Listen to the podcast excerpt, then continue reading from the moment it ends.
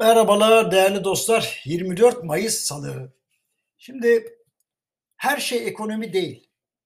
Bunu ben demezdim. Rahmetli Erdoğan Erkin Hoca derdi kıymetli babam.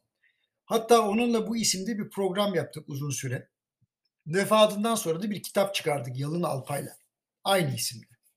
Açıkçası ülkelerin her saldırgan tutumunun arkasında ekonomi olduğuna inananlardan değildim. Erdoğan Alkin de böyle düşünmezdi. Meselenin değişik motivasyonu olduğuna inanırdık.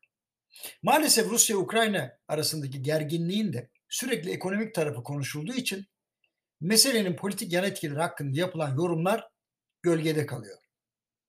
Rusya'nın işgal hareketinin Amerika'nın başını çektiği batı yayılmacına tepki olarak gerçekleştiğini iddia edenler bir tarafta, Putin'in uzatmaları oynadığını iddia ederek akıl almaz bir işe kalkıştığını söyleyenler diğer tarafta. Hangi fikir doğru olursa olsun Amerika'nın bir kere hegemonyasının geri dönüşü başladı. Çünkü Ukrayna'nın işgali Amerika içindeki bazı düşünce kuruluşlarını tetikledi. Amerika'daki yeni muhafazakarlarla demokratların ortak görüşü Amerika artık gücünü kullanmayı öğrenmeli şeklinde oluşuyor. Yani en uzak noktalarda bile dengeyi sağlayan güç sıfatının geri dönmesi için Beyaz Saray'a çok ciddi baskı var. Hatta panik var diyebilirim çünkü Amerikan ara seçimlerinde Trump yanlısı adayların öne çıkmaya başladığı gözleniyor. Eğer ara seçimde tekrar Trump taraftarları baskın çıkarsa Amerika'nın sınır ötesi varlığı daha çok tartışılacak.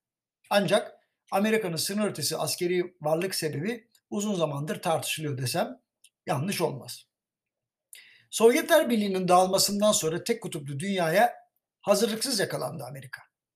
Ve geride bıraktığımız 30 yılda önce Arapları, sonra Japonları, sonra tekrar Arapları, nihayet Çinleri ve Rusları düşman ilan edip bu boşluğu doldurmak istediğine şahit olduk. Ee, sürekli harbi dinamik güç kalabilmek için birçok kez çizgiyi aşan imza, işleri imza attılar. Zaman zaman Türk Silahlı Kuvvetleri sürtüşmeyi uygun gördüler. Bugüne kadar NATO'nun doğuya doğru genişlemesiyle ilgili fazla bir çapa içinde olmadıkları da malum. Hatta Ukrayna'nın bağımsızlık hareketine karşı duyarsız kaldıklarını da hatırlamak gerekiyor. Çünkü 1991'de 2'de böyle konuşmaları var Amerikan başkanı. Şimdi Sovyetler Birliği, Rusya ve Amerika e, bakıldığı zaman birbirinin böyle bir mütemmim cüzü oldular.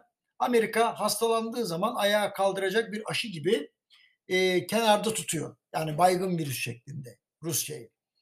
E, bütün bunlar Amerika'nın iç siyasette sıkıştığı zaman lazım olacak kendi sikletine uygun, uygun düşman arayışının bir yansıması. Yani kendi sikletime uygun olsun ki hani zayıfı eziyormuş gibi gözükmemek için işte Rusya'yı biraz ayakta tutuyor. Ancak Trump'la beraber Amerikan varlığı hatırlarsanız dünyada azalmaya başladı ve tıpkı Sovyetlerin dağılmasından sonra oluşan boşluk gibi başkaları tarafından doldurulması sonucunu yarattı.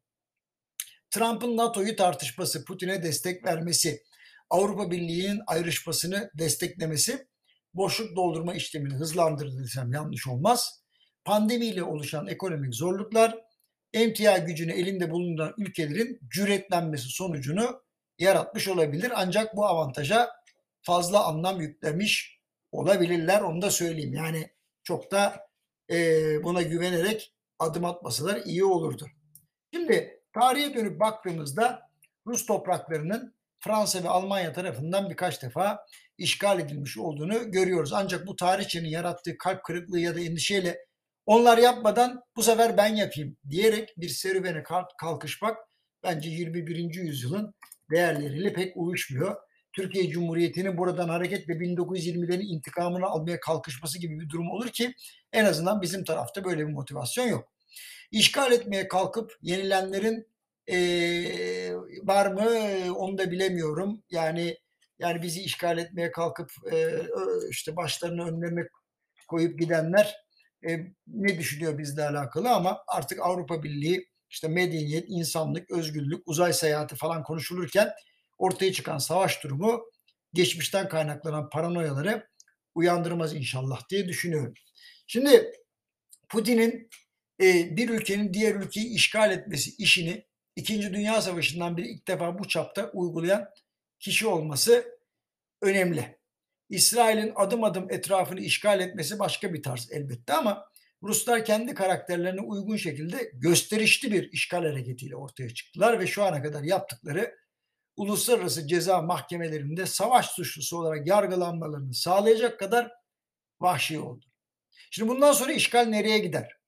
Ve buna Amerika ve Batı'nın nasıl cevap vereceği vesaire bunlar e, aslında geleceğin tasarımı içinde bize yol gösterecek. Yunanistan Başbakanı'nın Amerikan Kongresi'ndeki provokatif konuşmaları ve ayakta alkışlanması, Türkiye'nin NATO'ya yeni üyelerin alınmasına karşı gösterdiği haklı tepkili cevap buldu. Yani Türkiye diyor ki beni hesaba katmadan veya beni tehdit ederek bir yere varamazsınız.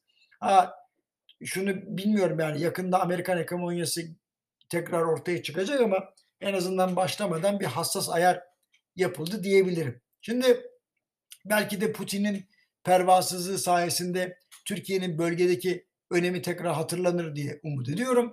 Eğer bugüne kadar Avrupa Birliği ve Amerika Birleşik Devletleri ile Türkiye ilişkileri güçlenmiş olsaydı bence Ruslar bu derece bir zalimliğe imza atamazlardı. Yani Türkiye'nin Batı müttefikliğinden iki kutup arasındaki denge noktası haline dönüşmesi kendi kendine olmadı.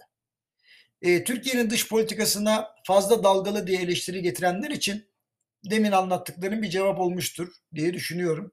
Şu ana kadar yapılan manevraların ekonomik kazanç anlamında hiçbir ülkenin vatandaşına olumlu bir yansıması olmadığı için de atılan her diplomatik adımın ekonomik bir karşılığı olmadığını teyit etmiş oluyoruz. Ha fırsattan istifade cebini dolduranlar var o başka mesele onu başka bir zaman tartışırız efendim.